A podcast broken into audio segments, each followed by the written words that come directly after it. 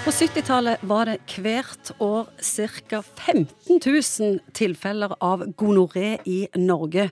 Og da gjorde Helse-Norge et krafttak og greide omtrent å utrydde sykdommen etterpå.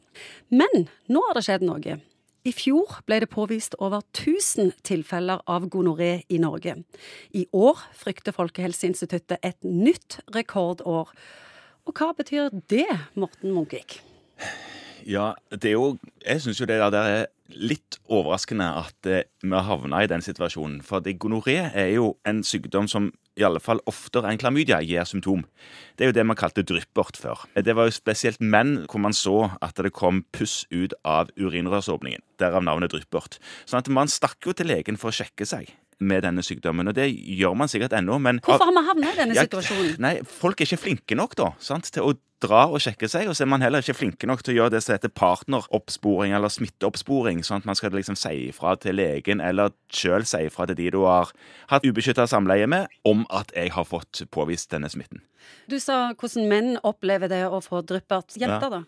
Ja, De har jo òg på en måte dryppert, men det er ikke så lett å se, fordi de har en naturlig utflod som de har, og så kan den endre seg litt, men det er litt mindre selvsagt. Men de kan få underlivsplager, som ubehag ved vannlatning, stikking, hyppig vannladning, at de får rett og slett kraftigere infeksjon, sånn at de får feber og veldig vondt. Men det er jo, det er jo ikke så ofte det skjer. Så dette er symptomer folk går rundt med og tåler? Ja, en del, en, en del tåler ganske mye på det der. Mye mer enn de burde. Og, og så skulle de sjekke seg, da. Og en god regel er jo å sjekke seg etter et ubeskytta samleie. Det som kanskje folk ikke vet så godt, det er jo det at eh, gonoré sitter ikke bare på penis og kjønnsorgan. Den oh, ja? sitter òg i analåpning og i hals.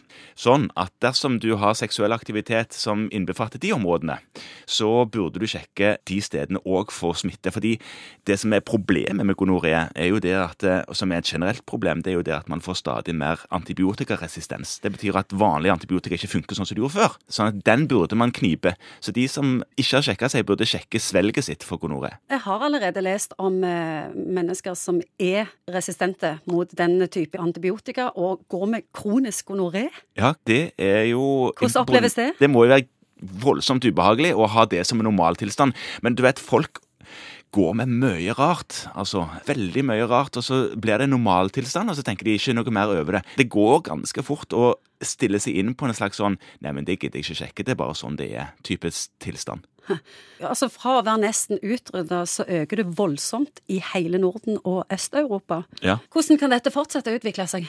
Nei, hvis vi ikke tar grep, og det gjelder både det å smittesjekke seg i alle åpninger, og eh, at man er litt mer flinke til å forske fram nye antibiotika som dreper denne bakterien, så vil man jo få en slags epidemi, og det vil man få av infeksjonssykdommer også som hvis man ikke tar grep. Hva fører kronisk gonoré til? Kronisk gonoré er ubehagelig, og det kan føre til, hvis du får den rette typen infeksjon, infertilitet, ufrivillig barnløshet.